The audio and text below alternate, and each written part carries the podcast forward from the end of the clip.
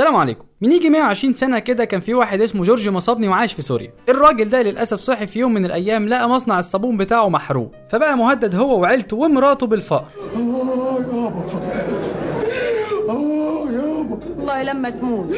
الراجل ما استحملش الصدمة ومات بعدها بوقت قليل جدا. عشان يسيب لمراته مسؤولية طفلين. توفيق وبديعة توفيق طبعا ما استحملش بهدلة امه واخته فقرر ينزل يشتغل في بار. لكن لسوء حظ أخته بديعة كان صاحب البار ده راجل عينه زايغة حبتين. وفي مرة وهي بتوديله الغدا تقع عين صاحب البار على بديعة وفضل يتابعها بعينه لحد ما غابت عن أنظار الحضور. وللأسف اغتصبها. تسكت أم بديعة ابدا. تقرر ترفع عليه قضية وتطالب بحق بنتها واللي انتهت بسنة حبس لصاحب البار ده. والنبي سقفه لام بديعة يا جماعة. لكن للأسف الشديد فضلت سمعتهم تسوء يوم بعد التاني بسبب التصرف اللي عملته أم بديعه فتقرر السيدة جميلة الشغوري أم بديعه وتوفيق إنها تاخدهم وتهاجر الأرجنتين املا في إن الحياة تديهم فرصة جديدة. عاشوا هناك سبع سنين في تبات ونبات وكبروا الولاد وتعلموا البنات. بديعه لانها كانت موهوبة من صغرها فلقت الراهبات اللي كانوا في مدرستها وقالوا لأمها البت موهوبة يا أختي دي بتعرف تغني وتمثل وترقص كمان ما تدخليها مسرح المدرسة. من مبدأ البت لسه صغيرة ومش فارقة وافقت أمها على اقتراح الراهبات عشان تبدأ حياتها الفنية من نعومة أظافرها. إيه الكلام الكبير اللي أنا بقوله ده ها؟ حنت الأسرة الصغيرة دي للوطن لكن الأم قررت إنهم يزوروا مصر كفسحة صيف صغيرة وترجع تاني لأمريكا. الجنوبية. بديعة لأنها كانت أول مرة تزور القاهرة فتوهمت بالأزبكية واللي كانت مركز للفنون ساعتها بحكم وجود مسارح كتيرة جدا. وبينما هي تتنزه في حديقة الأزبكية هوب تتعرف على سليم فؤاد المؤلف. الكلام جاب بعضه ها ها ها لا ده أنت تيجي بقى نشوف حكايتك إيه. الراجل كتر خير وداها للفنان اللبناني جورج أبيض واللي بالتبعية لقط فيها الموهبة اللي عندها وعلمها التمثيل والغنى وكمان اللهجة المصرية. بقول لك يا أخويا أنت وهو أنا ما حدش اتفق معايا على المصلحة دي. كمان أول مرة أشتغل موديلز. واشتغلت معاها ثلاث شهور من غير أجر. ومنها لفرقة الشيخ أحمد الشامي سنة 1913 واللي عرض عليها مرتب 6 جنيه في الشهر. الشهر؟ الشهر. اتكل على الله واشتغل رقاصة يلا. الأم طبعا ابتدت تلاحظ النشاط الفني في حياة بنتها فقالت أوبا البت هتضيع مني ولا إيه؟ فتشد الرحالة على الشام لأنها كانت خايفة على بنتها من سكة الفن دي. وفي يوم السفر وهم في محطة مصر في القاهرة تحجز بديعة تذكرة واحدة بس لأمها من غير ما تعرف. عشان تنط من القطر وهو بيتحرك وتسيبها تكمل في طريقها للشام وتنزل هي في محطة الفن. أنا عندي استعداد للانحراف بس مش لاقي اللي يوجهني. رجعت بديعة لجورج أبيض عشان تكمل أو تبدأ معاه مسيرتها الفنية بأدوار صغيرة واللي قدرت تثبت فيها موهبتها للجميع وتبقى هي نجمة الفرقة الاستعراضية الغنائية. وتلف معاه بمسرحياتها في جميع أنحاء المحروسه يوم ورا يوم وبديعه مصابني بتزيد شهرتها وبتتقل موهبتها. عشان تلف بمسرحياتها بلدان عربية زي الأردن وفلسطين وسوريا ولبنان. أيوه عند أمها. وفي مرة وهي في بيروت سنة 1922 تتعرف على نجيب بيه الريحاني واللي أصر إن هم يشتغلوا مع بعض لما يرجعوا مصر. وفعلا لما رجعوا عملوا مع بعض أنجح المسرحيات واللي منها رواية ليالي الملاح واللي عملت فيها دورها المعروف قوت القلوب. ومسرحيات تانية زي أيام العز ريا وسكينة الشاطر حسن والبرنسيس. وتوجت هذه المسيرة الناجحة بالزواج. الليلة عيد والعريس بيتجوز. وما دام العريس بيتجوز يبقى العروسة هتتجوز. لكن للأسف ما خلفوش أطفال وده اللي خلى بديعة تتبنى طفلة وتسميها جولييت. طموح بديعة ما خلاهاش تقف عند المسرح ودخلت مجال السينما أفلام كتيرة جدا مع عتاوله السينما في الوقت ده زي بشارة وكيم وميمي شكيب في فيلم ابن الشعب اللي اتعمل 1934 وفيلم ملكة المسارح اللي اتعمل 1936 وكان من إنتاجها مع ألفريد حداد لحد ما وصلت لأدوار البطولة في السينما. في أفلام زي ليالي القاهرة واللي اتعمل سنة 1939 مع محمد فوزي وفتاة متمردة سنة 1940 مع أنور وجدي. متمردة من يومك والله يا بديعة هانم وطبعا انت عارف ان كل حاجة حلوة عمرها قصير حتى لو قعدت 18 سنة. ما قدرش الريحاني انه يتعايش مع الوضع الجديد. اللي كان بيفرض نفسه يوميا بسبب شهرة ونجومية المدام. وقرروا للأسف يزوروا المأذون للمرة الثانية في حياتهم عشان ينفصلوا عن بعض سنة 1943 ميلاديا. عجيبة! وفيما العجب نفس اللجنه بتاعت أمس. أيوه بس طلاق إن شاء الله. بهذه السرعة يكون الطلاق فيما كان الزواج اذا كلهم هندسة. بديعة كانت عنيدة لملمت الجراح وما بكتش قوي على اللي راح وقررت إنها ما ترجعش للتمثيل. لكن قررت إنها تشتري صالة عماد الدين المشهورة ب 5000 جنيه عشان تحولها بعدها لكازينو. بديعة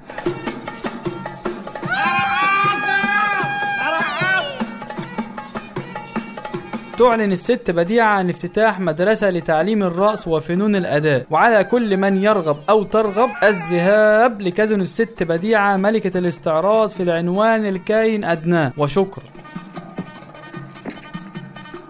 وفعلا قدرت تكون فرقتها الاستعراضية اللي كانت مكونة من 50 شاب وفتاة. عشان تبدأ معاهم مرحلة جديدة تماما في حياتها الفنية. كبر الكازينو يوم ورا التاني عشان يكون أشهر كازينو في مصر. بفضل بديعة اللي قررت إنها تعلم شباب وشابات فرقتها يعني إيه رقص شرقي على أصوله لأنه الرقص الشرقي تحديدا وأنت عارف دايما متعلم عليه كده إنه خلاعة وقلة أدب. لا! البيت ده طاهر وهيفضل طول عمره طاهر. لكن الست بديعة قدرت إنها تغير المفهوم ده واحدة واحدة من خلال فرقتها وكمان قدرت تطور وتدخل فيه شوية حركات إيقاعية تركية وأسبانية عشان تعمل ميكس كده ما بين الرقص الشرقي والغربي. لدرجة إنها ابتكرت رقصة اسمها الشمعدان واللي فضلت موجودة لحد النهاردة وإن كانت تقتصر دلوقتي على من يسموا بالغوازي.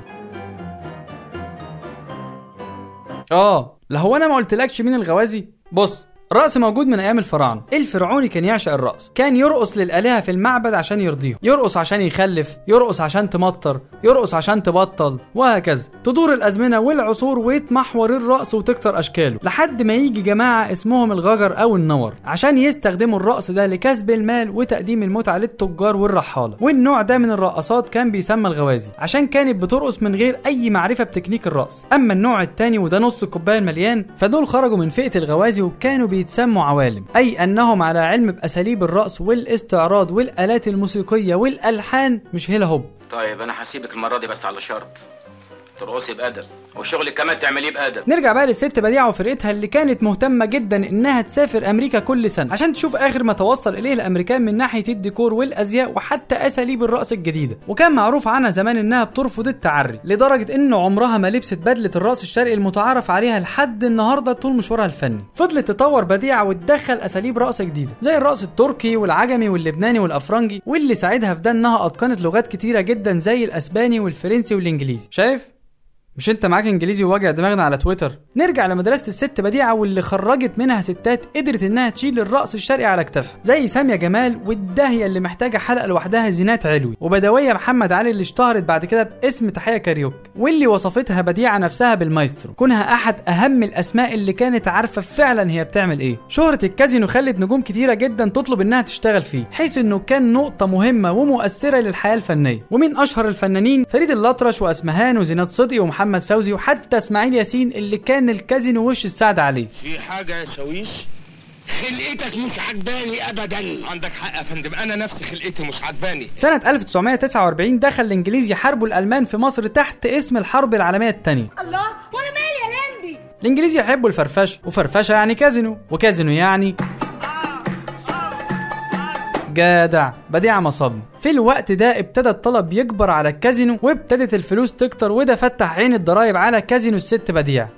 أمال يعني هيجيبوا فلوس منين؟ يا عم يهديك يرضيك طب نتفاهم طب نتناقش. ابدا. ما نفعتش محاولات بديعة معاهم وده خلى أغلب الفنانين يسيبوا الكازينو ويهجوا. غارت الحرب وحاولت بديعة تلملم ورقها وتحاول تعيد أمجاد الكازينو لكن للأسف ما قدرتش. لأن الفنانين اللي كانوا شغالين معاها ساعتها لقوا طريقهم الجديد للسينما والضرايب فضلت تزن تزن وتطلع لها القديم والجديد وهددوها إنهم يحجزوا على الكازينو وتتسجن. طب وعلى إيه؟ وفعلا قدرت تلم اللي باقيلها في القاهرة وتبيع كازينو بديعة للمدعو ببا عز الدين بمبلغ 20000 جنيه. وقدرت تخرج من مصر من غير ما تدفع الضرايب عشان تتمنع للأسف من دخول مصر بعد كده. واستقرت في لبنان في مزرعة اشترتها والكلام ده كان سنة 1950 ويقال إنه بعدها بسنتين فتحت محل بيع جبن وألبان وفضلت تدير المكان ده 24 سنة لحد ما رحلت عن دنيتنا 23 يوليو سنة 1974 بعد ما كانت راكبه الترند لمدة 30 سنة. وبعد ما حطت أسس وحددت معالم الفن الاستعراضي والرقص الشرقي بشكل عام. الرقص الشرقي اللي يكاد يكون الوحيد من بين كل الرقص اللي حوالين العالم بيتميز إن ما فيهوش قيود أو خطوات محددة. كل اللي مطلوب بس من المرأة الراقصة هو إنها تسمع الموسيقى بكل حاسة من حواسها وتطلق العنان لكل حاسة فترقص من غير ما تحس بنفسها.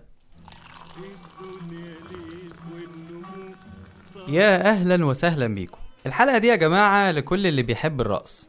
ولو انت جيت من العنوان يبقى إحنا محضرين لك مفاجأة. ف نخش في الموضوع على طول. نخش في الموضوع. بالظبط. نخش في الموضوع على طول.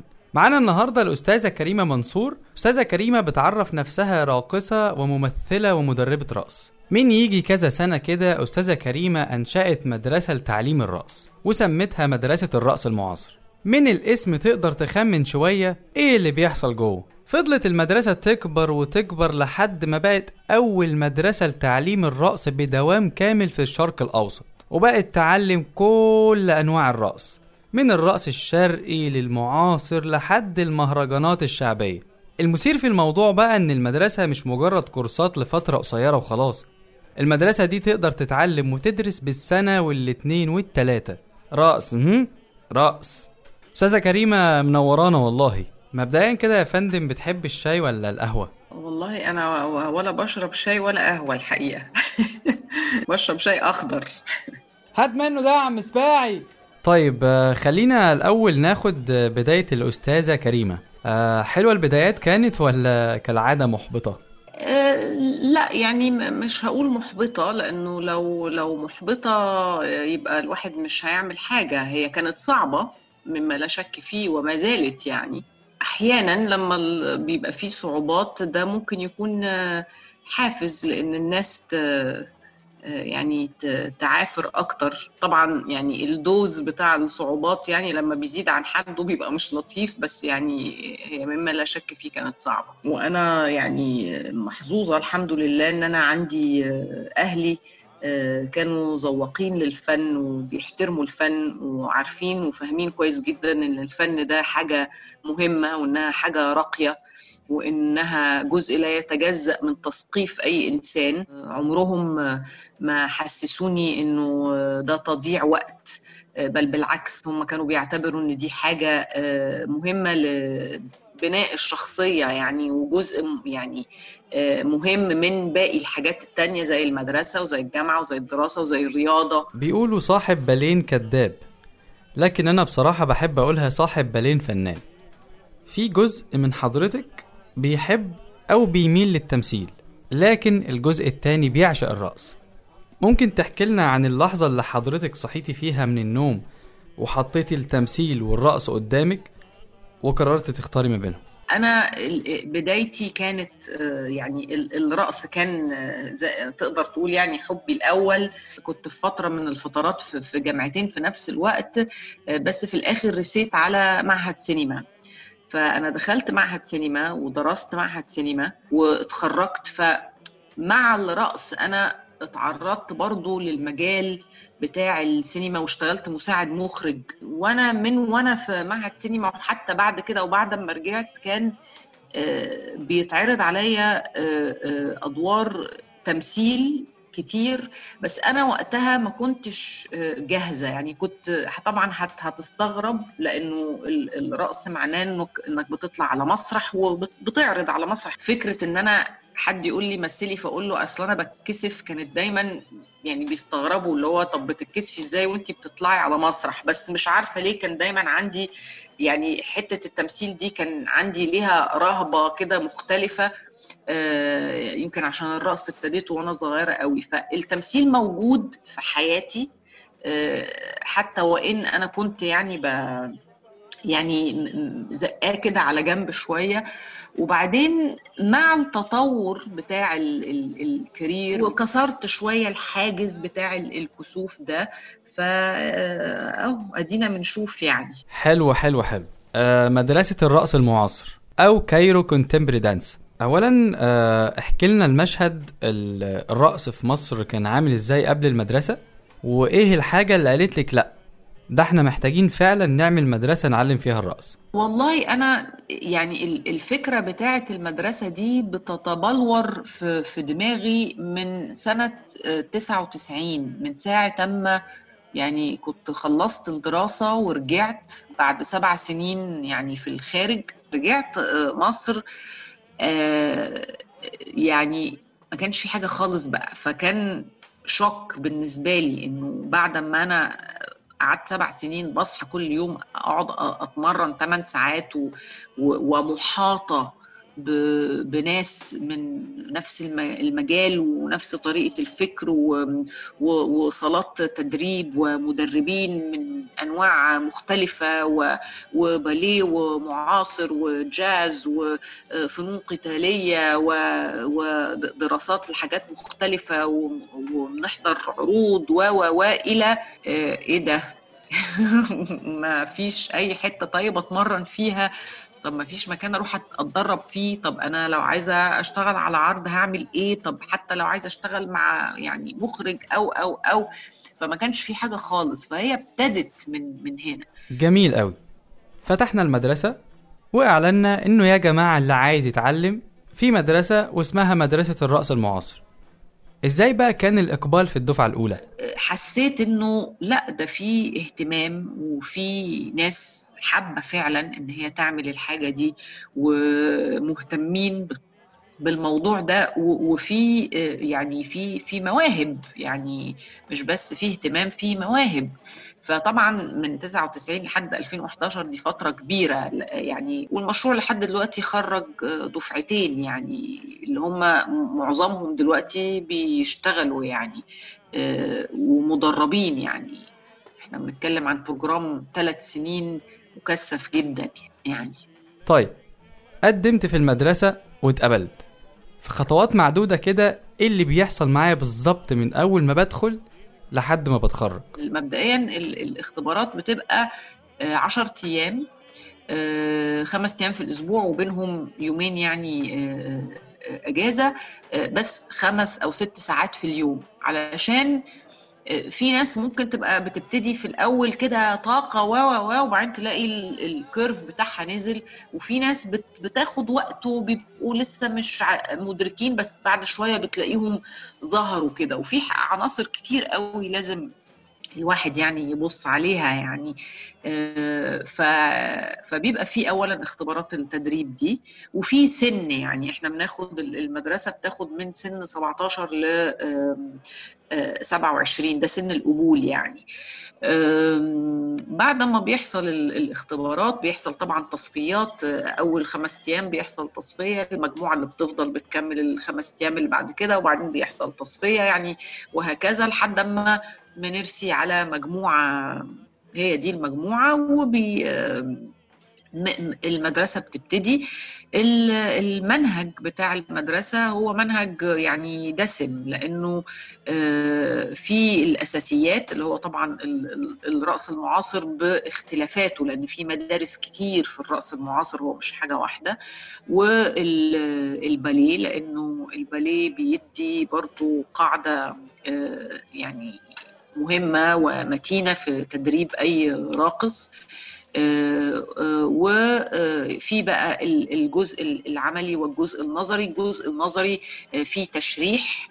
ده جزء من المنهج لأنه لازم الناس تبقى فاهمة الجسم اللي بيتعاملوا معاه ده عامل إزاي العضلات والأربطة والهيكل العظمي و و و الجسم ده بيشتغل إزاي آه، إزاي نقدر آه، نتفادى الإصابات وإذا في إصابة نتعامل معاها إزاي؟ آه، تاريخ آه، ال- ال- الرأس ال- المعاصر أو تاريخ الرأس بشكل عام ده برضو بشكل نظري. آه، نظريات أو performance theory نظريات ال- ال- ال- العرض بقى ال- ال- الحديثة. موسيقى برضو وإيقاع. فنون قتالية جزء مهم جدا من المنهج. المنهج بيبقى طول الوقت قيد التطوير يعني مش ثابت أو يعني آه، غير متحرك يعني. طيب دلوقتي أنتوا بتعلموا في المدرسة آه باليه وتانجو آه hip hop و break dance و Afro dance وفولكلور ورقص مهرجانات.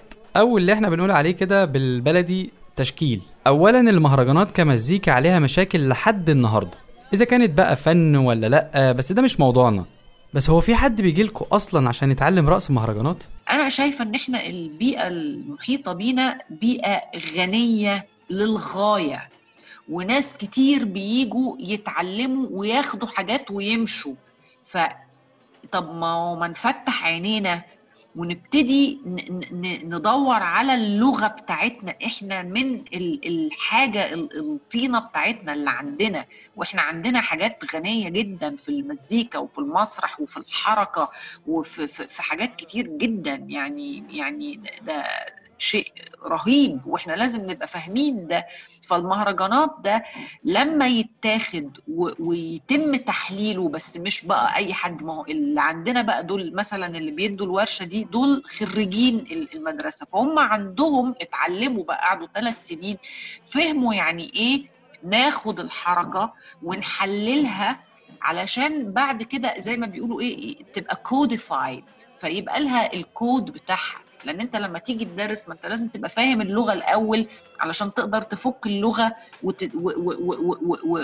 وتدرسها فهو ده اللي إحنا بنحاول نعمله علشان ده حاجة غنية جدا وممكن يطلع منها يعني حاجات مرعبة يعني لازم نفصلها شوية عن إنه آه أصل المهرجانات مقترنة ب حاجة معينة أو شكل معين أو أو أو أو أو. لا هي في الح... في النهاية هي حركة طلعت من بيئة الناس بتحاول تعبر فيها عن نفسها. يعني إحنا بنتكلم عن الهيب هوب والبريك دانس الهيب هوب والبريك دانس نفس بدايات المهرجانات. نشأ في الشارع ونشأ من بيئة معينة لناس معينة. لقت مخرج ومنفذ إن هم يعبروا عن نفسهم بالحاجة دي. ودلوقتي الهيب هوب بقى بيدرس. فهو هو نفس المشوار ونفس الطريق. بس إحنا لازم يبقى عندنا يعني فكر كده منظم واهتمام ونبقى شايفين الحاجة في بدايتها. أستاذة كريمة أخبار 2020 معاكم إيه؟ يعني مع يعني بيتهيألي يعني بيتهيألي ال ال ال الحاجة ال ال لو الواحد يعني هيبقى بيحاول يعني يدور على أي حاجة إيجابية في سنة 2020 دي هي إنه على الأقل ما عندناش شك إن العالم كله في نفس الحالة وفي نفس الوضع. وبيتهيألي دي حاجة كويسة جدا إن إحنا نحس إن إحنا يعني في نفس المركب ومش عارفين نخطط ومش عارفين بكرة هيحصل إيه وممكن الواحد يخطط لحاجة وبعدين تلاقي تاني يوم لأ اتغيرت عشان الظروف اتغيرت. فهي سنة غريبة شوية لكن أنا بتهيألي هي سنة مهمة جدا الحقيقة سنة مهمة جدا لأنه الواحد اتعلم فيها كتير. أستاذة كريمة هل في قلق على الرأس في الوضع الحالي؟ ما, أظنش. يعني أرجو لأ أنا ما عنديش هذا ال ال ال يعني هو ممكن يكون في قلق على الفن إنه في بقى اتغيرت يعني وضع المسارح والحاجات دي بس يعني ما ما, ما أقدرش أجزم. يعني ما, ما عنديش جملة يعني واضحة كده قاطعة مانعة أقدر أقولها. يعني ما مش عارفة. هنشوف. والله يا أستاذة كريمة الكلام مع حضرتك ممتع جدا للي مهتم بالرقص واللي مش مهتم. آه مرة تانية شرفتينا يا فندم والله وإن شاء الله نتقابل مرات كتير جاية. وإنتوا كمان لو عايزين تعرفوا أكتر وتتواصلوا مع أستاذة كريمة اللينكات في وصف الحلقة. وما تنسوش تبعتوا لنا اقتراحاتكم لمواضيع حابين نتكلم فيها في الحلقات اللي جاية. السلام عليكم. لم يا عم